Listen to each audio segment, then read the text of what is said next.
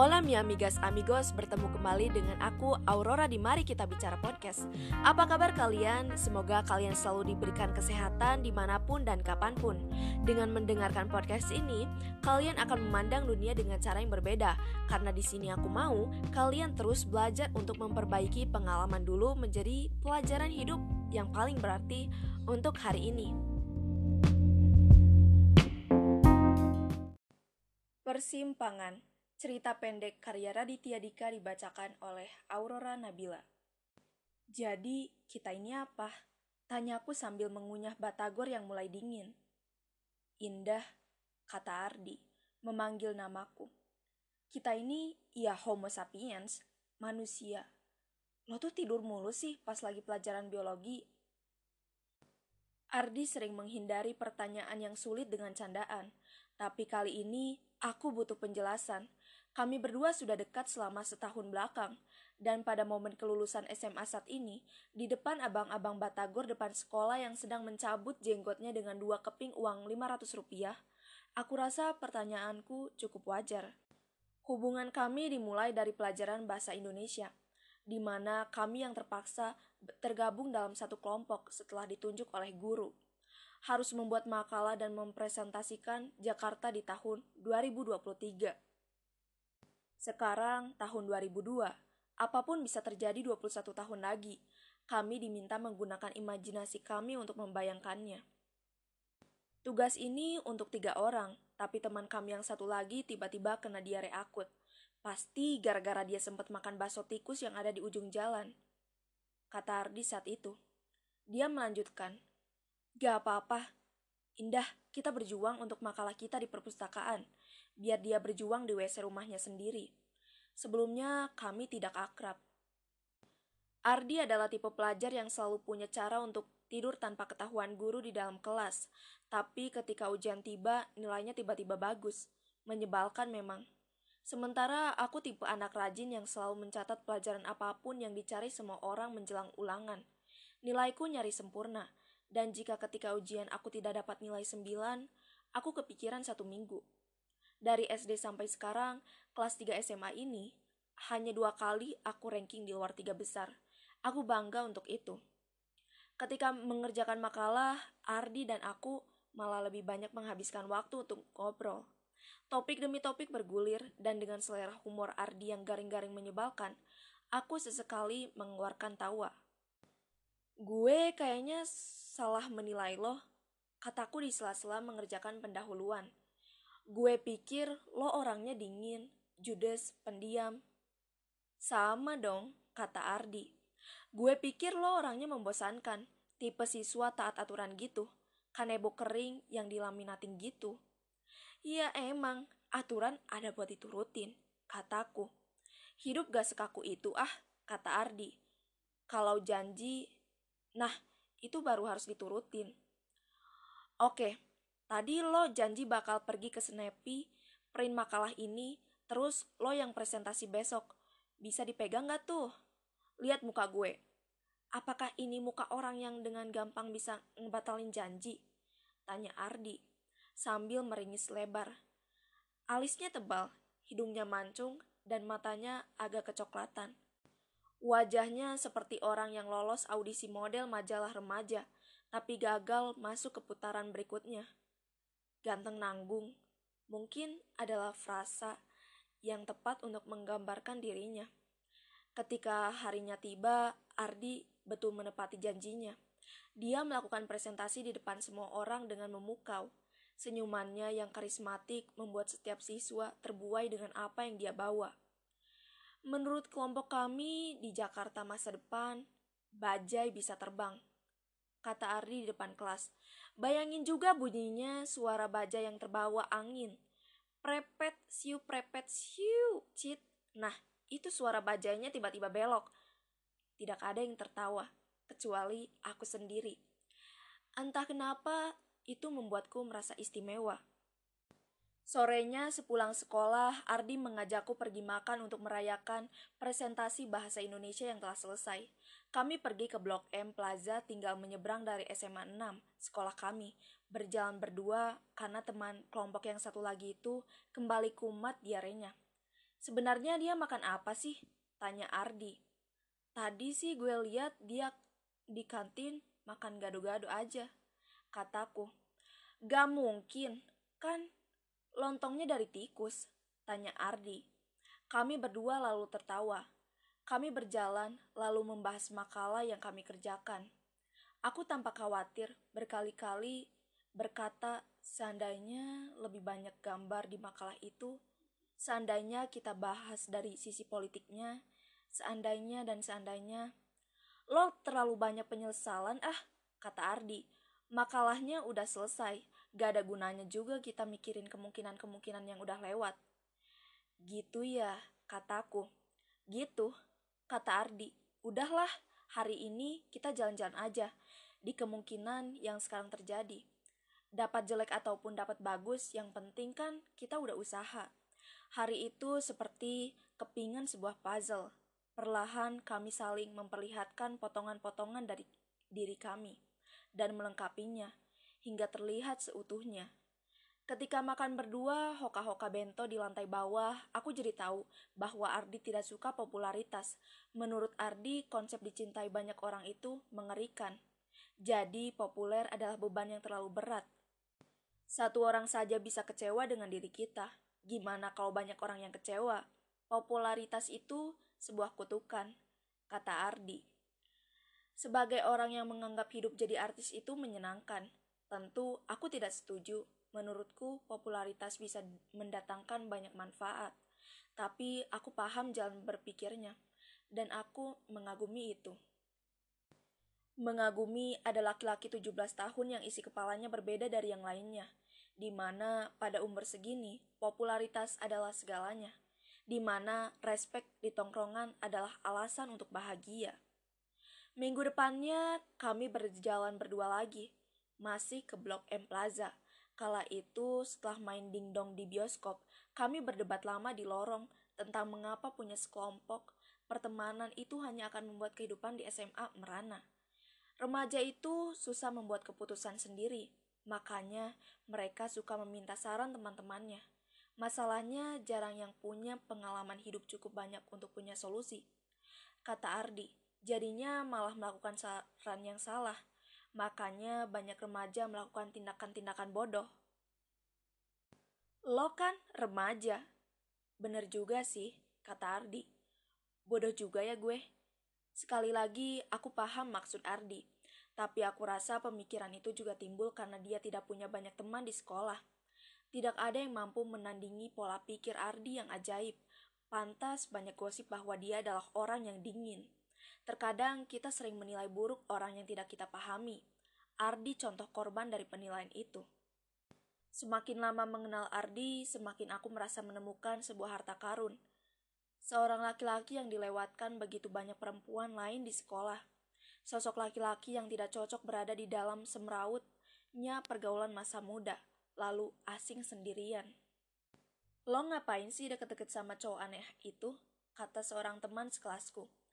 Ardi itu waktu pensi sekolah dia masih mojok di lapangan bola sambil baca buku. Pantesan gak punya temen. Teman yang lain bilang, dia pernah ngelarang teman-teman kita ngerjain anak kelas 1. Masa senior mau ngapus senioritas? Bener sih, orang yang kebanyakan baca buku gak usah didengerin. Gue denger, dia korban santet. Kata temen yang lain lagi, kali ini gosipnya lumayan ngaco. Padahal Ardi bukan orang yang aneh, dia hanya orang yang salah dimengerti. Itu adalah dua hal yang berbeda. Dari sekali pergi bersama, kami jadi punya jadwal rutin tidak resmi. Setiap malam minggu, Ardi akan mengajakku keluar. Kegiatannya pun beraneka ragam. Kami pernah pergi hanya untuk makan gulai sedang dibicarakan banyak orang. Kami juga pernah keluar hanya untuk menemani aku membeli cupa-cup selalu duduk di pinggiran Circle Q sambil ngomongin orang yang lagi belanja. Pada suatu malam selepas menonton film Scary Movie 2, lagi-lagi di Blok M Plaza kami berdiskusi panjang soal luka masa lalu. Apa kejadian di masa lalu yang bikin lo suka mimpi kebangun tengah malam? Tanya Ardi. Waktu bokap gue marahin gue pernah dapat nilai 5 di rapot, dia bilang, coba aja kamu lebih keras lagi belajarnya. Kataku, dia bilang, papa sedih kalau kamu nilainya jelek. Gue pernah mimpi dikejar angka 5. Serem banget. Mata Ardi terbuka lebar. Pantesan, hidup lo penuh penyesalan ya. Selalu memikirkan, kalau aja, kalau aja, ternyata trauma sama lima toh. Ya gak gitu juga, kataku. Kalau lo apa? Mimpi yang bikin kebangun? Dulu gue main bola di sekolah. Gue tahu kalau gue sundul bolanya, kepala gue bisa kena tiang gawang. Bener deh, kepala gue kebentur tiang. Gue pingsan, tapi gol. Abis itu gue mimpi berkali-kali kejedot tiang, kata Ardi. Tapi itu gak penting banget. Ngorbanin kepala cuman buat gol, kataku. Kalau kita gak coba, kita gak pernah tahu kan, kata Ardi. Tanpa terasa, entah siapa yang memulai, di saat berjalan berdua, kami jadi bergandengan tangan menyusuri jembatan dalam mall. Anehnya, tidak ada rasa canggung atau cemas, tidak ada malu atau ragu. Di saat itu, aku tahu, kami punya sesuatu yang istimewa, teman, tapi bukan hanya teman. Jadi, kita ini apa? Tanyaku sekali lagi di momen kelulusan SMA, sembari memotong batagor di atas piring. Jangan ngeles lagi.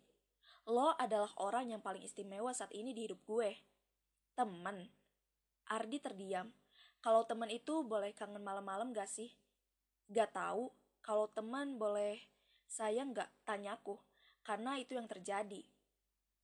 Ardi tersenyum lebar, wajahnya yang menyebalkan itu terlihat jelas di bawah sinar matahari yang terik. Kita jelas bukan teman aja, indah. Tapi gue gak mau kalau kita juga pacaran. Kenapa? Tanyaku. Karena minggu depan gue sudah pergi ke Yogyakarta, kata dia.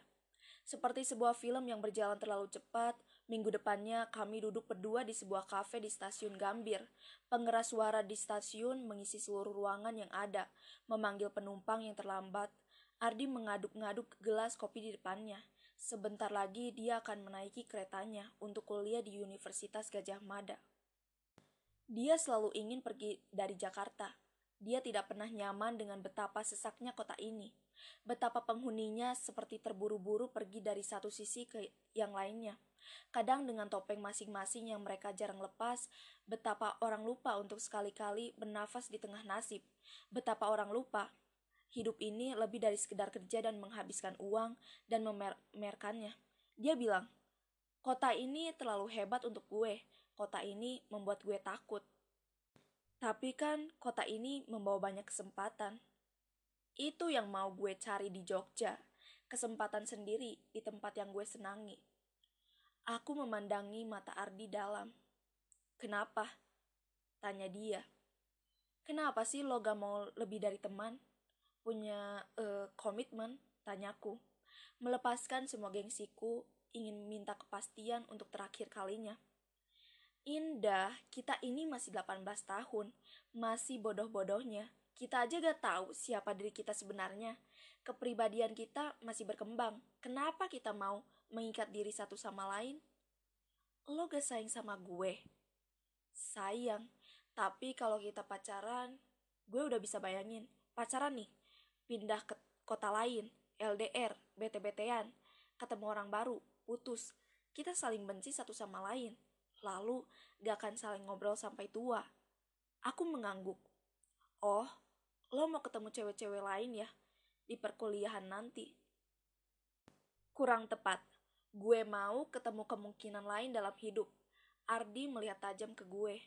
Sama kayak lo, akan ketemu orang-orang baru dalam hidup di kuliah, di pekerjaan, di kehidupan, dunia ini terlalu luas hanya untuk menggantungkan hati ke orang lain yang kita temui waktu SMA. Gak mungkin kita di umur yang semuda ini, kita sudah menemukan orang yang sempurna, ya kan? Aku sebenarnya ingin menjawab, tapi bagi gue, Ardi, lo adalah cowok yang sempurna. Aku mengurungkan mengucapkan itu dan bertanya, jadi ini perpisahan?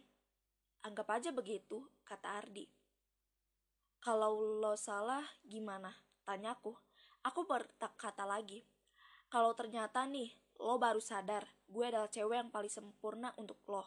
Dan gara-gara ketemu gue, lo gak akan pernah bisa cinta sama orang lain lagi. Karena lo akan bandingi semua cewek sama gue. Gimana? Kok lo jadi pede banget ya? Tanya Ardi sambil menggelengkan kepalanya. Jahil.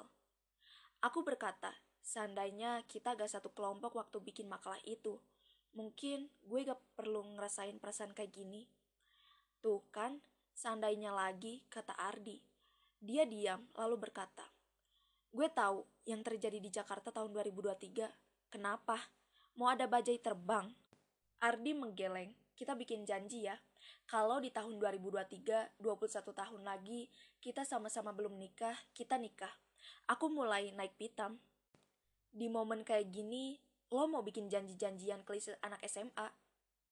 Kita kan anak SMA, bukan itu poinnya lo gak tahu udah berapa temen kita yang sama best friendnya ngomong begini ini geli banget Ardi ya lo mau geli bareng gak tanya Ardi bolanya di lo 21 tahun lagi kita ketemu di tempat ini. Iya di meja yang sama. Kalau kafe ini udah gak ada ya udah sih geser ke tempat lain. Di sebelah paling ada Indomaret susah amat. Kalau ternyata lo udah nikah gue akan ceritakan seperti apa rasanya. Lo juga akan ceritakan seperti apa keluarga lo nanti. Anak lo nanti, kita akan merayakan jalan yang kita ambil, hasil dari persimpangan yang saat ini sedang kita hadapi. Ardi tersenyum, lebar. Percaya deh, pertemuan kita akan ada gunanya. Aku mengangguk, menahan tangis. Ketika Ardi menaiki kereta itu, lalu pergi menjauh, Baru aku tahu rasanya menangis sampai tidak bisa mengenali suara sendiri. 21 tahun berlalu seperti kedipan mata. Satu detik aku memakai baju SMA, detik berikutnya aku memakai blazer Zara, menjadi mbak-mbak ECBD yang membawa tumbler ke mana-mana. Sedetik kemudian, aku berjalan memasuki stasiun Gambir di sebuah sore yang terlalu cerah, tahun 2023. Di sini sekarang aku duduk di meja yang sama ketika aku dan Ardi berjanji dulu. Tanggal yang sama, jam yang sama, kafe ini masih bertahan. Logonya saja yang lebih modern. Rasa kopinya masih sama, gulanya masih terlalu manis. Orang-orang masih tergesa-gesa menaiki kereta. Banyak yang sama, aku dan Ardi yang sekarang berbeda 21 tahun kemudian. Kami tumbuh menjadi orang yang asing. Setelah melepas kepergian Ardi di Gambir waktu itu, kami perlahan-lahan menjauh. SMS sempat berbalas, tapi lama-kelamaan dengan kehidupan baru, kami perlahan mulai hilang. Dia sempat add Yahoo Messenger milikku, chatting sebentar beberapa malam berturut-turut, lalu makin jarang, lalu Ardi tidak online lagi. Ardi benar, kami sibuk dengan kehidupan baru. Aku sangat serius belajar di kampus. Pikiranku sederhana, jika aku malas di kampus, nilaiku jelek, maka aku tidak akan mendapatkan pekerjaan yang baik. Setelah empat tahun, aku lolos dengan predikat cum laude. Setelah itu, aku melamar di perusahaan konsultan terkenal, diterima, dan langsung menjadi karyawan yang dibanggakan. Inilah buah dari kerja keras, dengan memberikan yang terbaik di setiap kesempatan, buah dari keinginan tidak ingin mengecewakan diriku sendiri. Rasanya manis sekali. Aku bertemu dengan suamiku ketika menyeberang jalan pada sebuah sore, sepulang kantor. Hujan turun malu-malu. Lalu ketika aku menutup rambut dengan tangan, seorang laki-laki dengan payung hitam berkata, Boleh aku payungi? Aku iakan. Kami berjalan, berbicara dan saling kenal satu sama lain. Seperti cinta yang kadang datang tidak sengaja, aku pun jatuh cinta tanpa persiapan. Kami jadi sering keluar, dan tidak lama kemudian, dia berniat melamarku. Aku tidak ada niat untuk main-main dengan kamu, kata dia di sebuah restoran Korea saat itu. Karena ini sudah mulai serius, aku pastikan dia memang orang yang baik. Aku menelpon beberapa teman yang kebetulan kenal dengannya, bertanya seperti apa dia orangnya. Proses memutuskan menikah, aku perlakukan seperti orang yang sedang mencari partner bisnis, penuh permintaan rekomendasi dari orang lain. Aku pun menikah dengan dia di suatu hari Sabtu di bulan Desember, pernikahan kecil yang romantis. Di sinilah aku sekarang, di tahun 2023. Aku punya suami yang baik, pekerjaan yang membuatku bahagia, dan pada akhirnya punya dua orang anak yang lucu-lucu. Ardi tidak pernah ada di pikiranku selama ini. Waktu Facebook mulai ramai dipakai orang, aku sempat mencari akunnya, tapi tidak ketemu. Aku cuma dengar gosip-gosip saja tentang Ardi dari teman sekolah yang sempat bertemu denganku di sebuah persepsi. Aku dengar Ardi menetap di sebuah rumah di Solo, di pinggiran kota. Aku juga dengar dia sibuk melukis dan menjualnya ke mancanegara. Dia, menurut beberapa sumber, memang tidak punya media sosial. Reunian demi reunian SMA, Ardi juga tidak pernah datang. Teman-teman semakin banyak yang tidak tahu kabarnya. Semakin tahun berganti, orang semakin lupa dengan dirinya. Dia seperti hilang dari muka bumi, tanpa jejak. Inilah kenapa aku datang di Gambir sore ini. Aku datang untuk mendengar kabar pertualangan Ardi dalam hidupnya. Orang sunik Ardi pasti punya segudang cerita yang menyenangkan. Seperti apa pandangannya terhadap Twitter, TikTok, YouTube. Ketiga hal yang tidak ada waktu kami muda dulu. Aku kangen sudut pandangnya yang sinis tapi realistis. Aku datang untuk menepati janji konyol dua orang anak SMA yang tidak mengerti apa-apa. Tapi sepertinya Ardi tidak datang hari ini. Aku menunggu dari siang hingga menjelang malam. Kopi sudah ada tiga gelas, tapi Ardi tidak juga datang. Aku mulai merasa bodoh. Mana mungkin Ardi masih ingat janji ini. Sembari menunggu, aku baca WhatsApp dari suamiku. Dia bertanya, gimana ketemu dengan cinta monyetnya? Aku balas, kayaknya dia lupa. Suamiku memang mengizinkan aku bertemu dengan Ardi hari ini. Dia bilang dengan gagah saat aku minta izin. Biar kamu tahu kalau suami kamu ini pasti jauh lebih keren dari cinta-cintamu waktu SMA. Memang agak terlalu percaya diri dia. Tapi itu yang aku suka. Aku berdiri dan hendak beranjak pergi. Dan di saat itu ada seorang laki-laki dengan jaket hitam masuk ke dalam. Aku mendengar dia berbicara kepada pelayan. Boleh ditanyakan ke dalam, apakah ada pengunjung bernama Mbak Indah? Si pelayan terlihat bingung. Aku melihat ke arah dia dengan alis diangkat. Aku bertanya kepada dia, "Cari saya?" Pemuda itu menghampiriku. Tubuhnya kurus, kulitnya sedikit gelap, wajahnya terlihat lelah. Ada kantung mata yang cukup besar untuk orang seusianya. Seolah dia perlu tenaga tambahan untuk keluar rumah hari ini. Dia lalu berkata, Mbak Indah, saya temannya Ardi. Sekedip kemudian aku dan dia duduk berdua. Dia masih belum memperkenalkan namanya kepadaku. Kakinya bergoyang, tandanya dia tidak nyaman.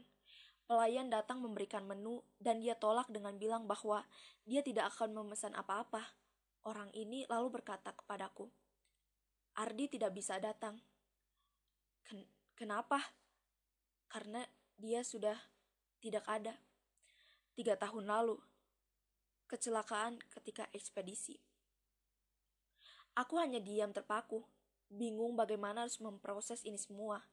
Aku tidak sedih, tapi ada sesuatu asing yang yang ada di dadaku, seperti kehilangan sesuatu yang tidak pernah kita miliki. Tanpa diminta, teman Ardi ini lalu bercerita tentang dirinya. Dia adalah teman Ardi di studio lukis miliknya. Dia lalu bercerita hidupnya berubah semenjak bertemu dengan Ardi. Cara pandangnya terhadap dunia, caranya menghadapi persoalan, Ardi memberikan warna yang segar kepada hidupnya yang hitam putih. Mereka pun jadi akrab, dan bersama-sama mereka mengembangkan studio lukis tersebut. Ardi orang yang istimewa, katanya. Ardi sudah menikah? Tanyaku. Belum, Ardi tidak pernah menikah. Ada beberapa perempuan yang mampir di hidupnya, tapi tidak pernah lama pacarannya. Selalu begitu. Dia seperti tidak pernah puas dengan pasangannya. Selalu ada yang kurang. Saya juga sempat bertanya kenapa.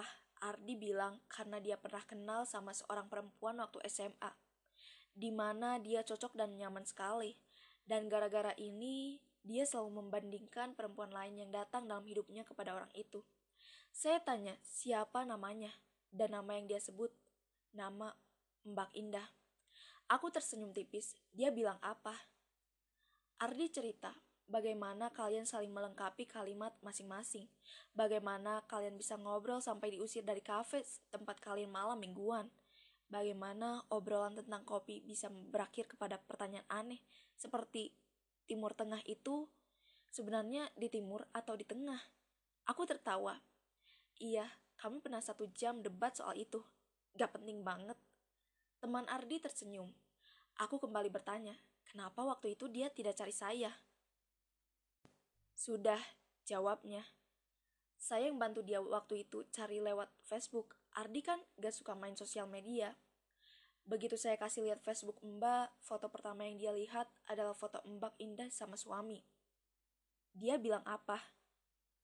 Ardi bilang, dia turut senang sama Mbak Indah udah sukses dan berhasil dalam hidupnya. Teman Ardi melihatku. Dia lalu melanjutkan. Saya sempat ke Gambir waktu itu, ke Jakarta sama Ardi. Ada urusan pekerjaan.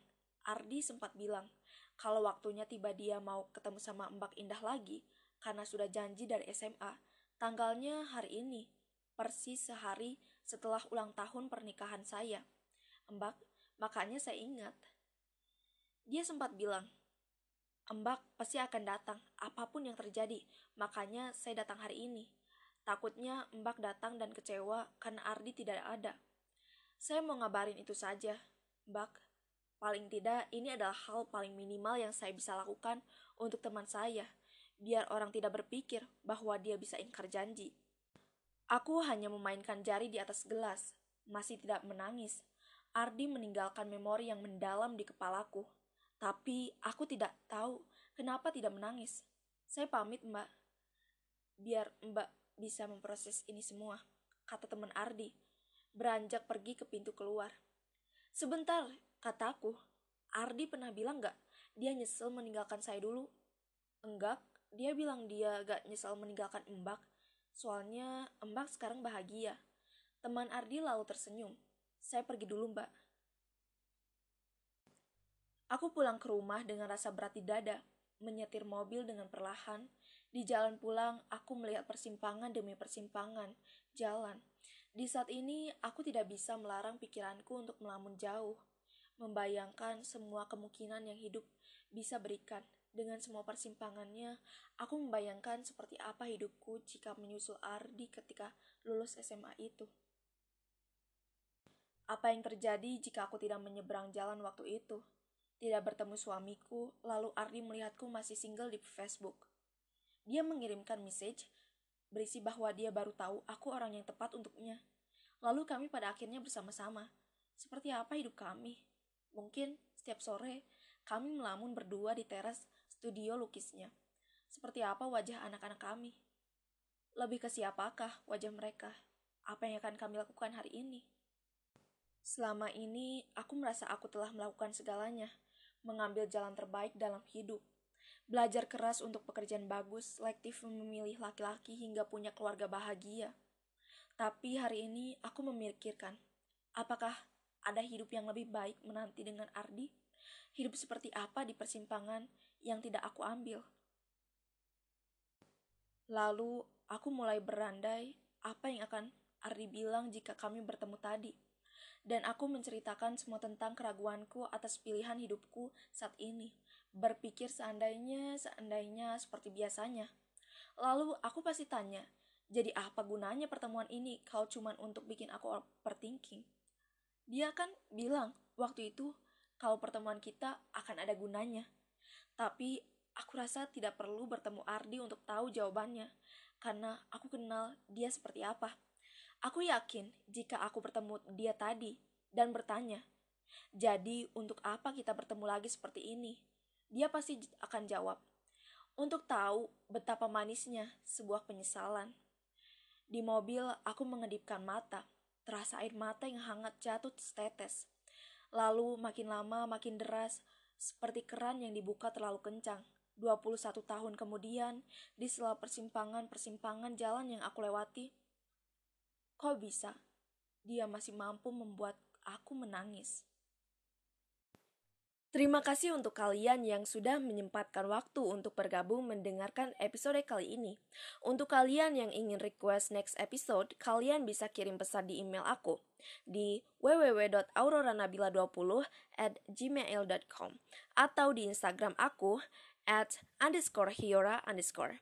No need to worry about the current times, and no need to worry about the sudden problem, because in every loss you'll find something, and everything takes time.